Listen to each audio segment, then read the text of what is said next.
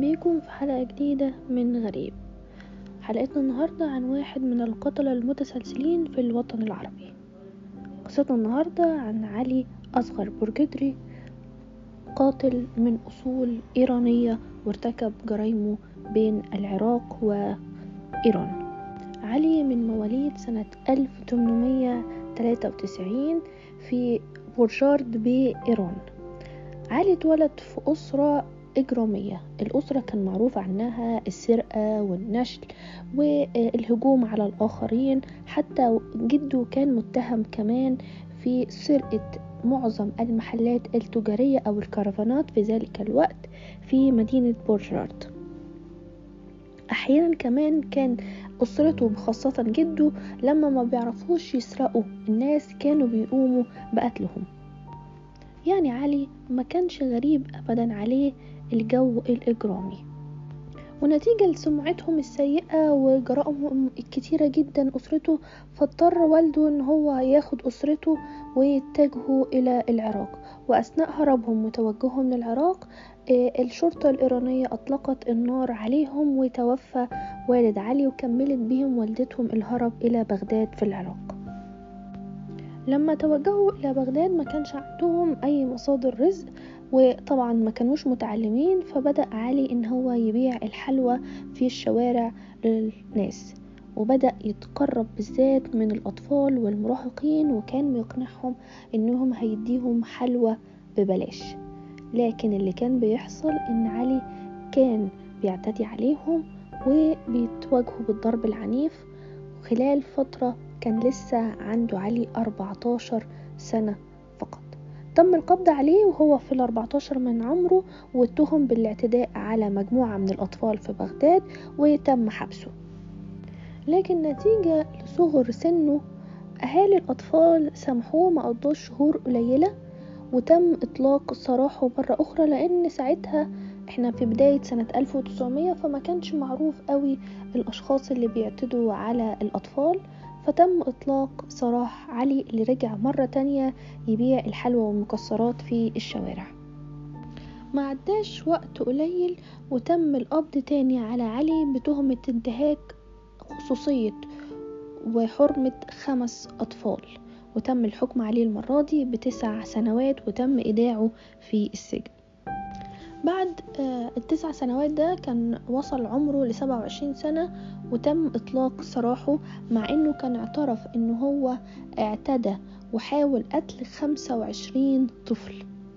لكن ساعتها الشرطة أطلقت سراحه مع تعهد منه إن هو ما يشتغلش في أي حاجة ليها علاقة بالأطفال ويتجنب تماما التعامل معها. ساعتها قرر علي إن هو يسيب بغداد ويرجع مرة أخرى لبلده الأم إيران. بس ما مشيش كده على طول. لا ده ساعتها هو وخمسة اعتدوا على واحد طفل مراهق من زباين أخوه أخوه كان عنده كافتيريا والطفل ده كان في حدود الخمستاشر سنة كان بيذهب للكافتيريا ده فتم الاعتداء عليه من علي و مجموعة من الأصدقاء بلغوا خمسة. ساعتها الولد ده اتجه للشرطة وقال اللي حصل فتم القبض تاني على علي وادوله سنتين تحت الملاحظة. حسن ساعتها قال قال من ساعتها قررت إن أنا لما هعتدي على مراهق أو على طفل هقتله عشان ما يروحش يبلغ عني. بعد مرور السنتين دول اتجه علي لإيران ومرجعش على برجراد مدينتهم الأصلية ولكن رجع إلى طهران. علي كان عنده بنية رياضية فقرر يشتغل في حاجة زي تدريبات رياضية للناس اللي ساكنين هناك عشان يفضل على قد ما يقدر في كونتاكت أو في تواصل مع الأطفال المراهقين من الذكور. وبالفعل حاول استدراج 8 واعتدى عليهم وقتلهم ورماهم في جزء بعيد من مدينة طهران. الشرطة بعد مرور أسابيع قليلة استطاعت العثور على الجثث دي وانتشر الذعر في طهران. ساعتها ما كانش موجود أصلا قتلة متسلسلين وما كانوش متخيلين إن في حد هيقتل كل العدد ده ولم يتم الإيقاع بيه في شهر يناير تحديدا سنة 1933 ولد كان ضل طريقه في واحدة من القرى القريبة من طهران فوهو ماشي اتكعبل في جثة. بسرعة رجع حاول يرجع لطريقه وبلغ الشرطة إن هو لقى جثة. لما الشرطة توجهت معاه للمكان اللي هو قال عليه لقوا بالإضافة لجثة الولد اللي هو لقاها جثتين كمان وكلهم لذكور في سن المراهقة. الشرطة بدأت تبحث إن الجثث عمالة تزيد وهم مش قادرين يوصلوا للجاني. وبدأ جحيم الجثث يتفتح على الشرطة. بعديها بأقل من شهر في شهر فبراير تم العثور على جمجمة شخص ولم يتم العثور على الجثة في منطقة قريبة من طهران كذلك. وبعديها بأيام قليلة جدا تم العثور على جثة رجل تقريبا في الثلاثينات من عمره بس المرة دي ما كانش معاه الجمجمة كانت راسه مفقودة. في شهر مارس من نفس السنة البوليس كانوا بيستنزفوا كل جهودهم عشان يوصلوا لأي دليل. وهما بيبحثوا في المناطق المهجورة اللي حوالين طهران عشان قالوا أكيد المناطق دي ممكن يختفي فيها القاتل أو يتم العثور على جثث. لقوا شخص في متوسط العمر واقف في المكان الغريب ده بيبيع نوع من الحلوى الإيرانية. لما الشرطة اتوجهت ليه وقالت له أنت بتعمل إيه في المكان المهجور ده؟ قال لهم إن هو بيبيع الحلويات دي. الشرطة الأول ما شكتش فيه لأن هو حست إن هو شخص عادي يمكن جاي في مكان غلط لكن لما بدأوا يتكلموا معاه لقوا إن عنده جزء من ملابسه فيه دماء وكمان معاه سكينة عليها دماء.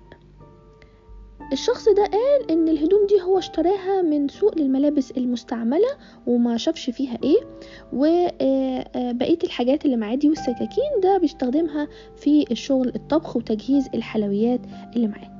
لكن الشرطة قالت له آه أنت ما بتشتغلش لا مع حيوانات أو مع دواجن عشان يبقى فيه على السكين اللي معاك دم وتم أخده لمركز الشرطة في طهران.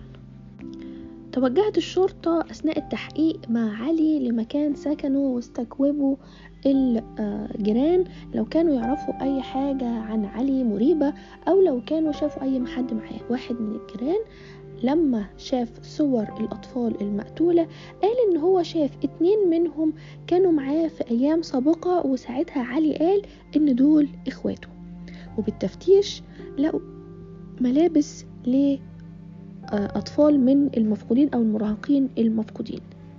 بتضييق الخناق على علي بدأ يعترف أول حاجة اعترف بيها آخر جثة لقوها لمراهق وقال إن ده كان ولد شغال معاه كان اسمه كذلك علي وكان بيساعده على استدراج الناس بس علي هرب فجأة فبحث عنه علي أصغر ومسكه واعتدى عليه وضربه لغاية ما قتله وبعد كده دفنه.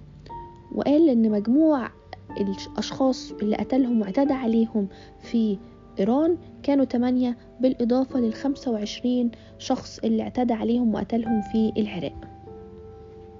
ساعتها علي أدلى بتصريح غريب جدا.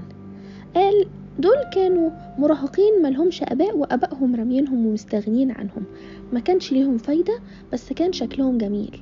لكن أول ما يكبروا هيتحولوا لمجرمين وهيضايقوا المجتمع. فأنا كنت بخلص المجتمع منهم.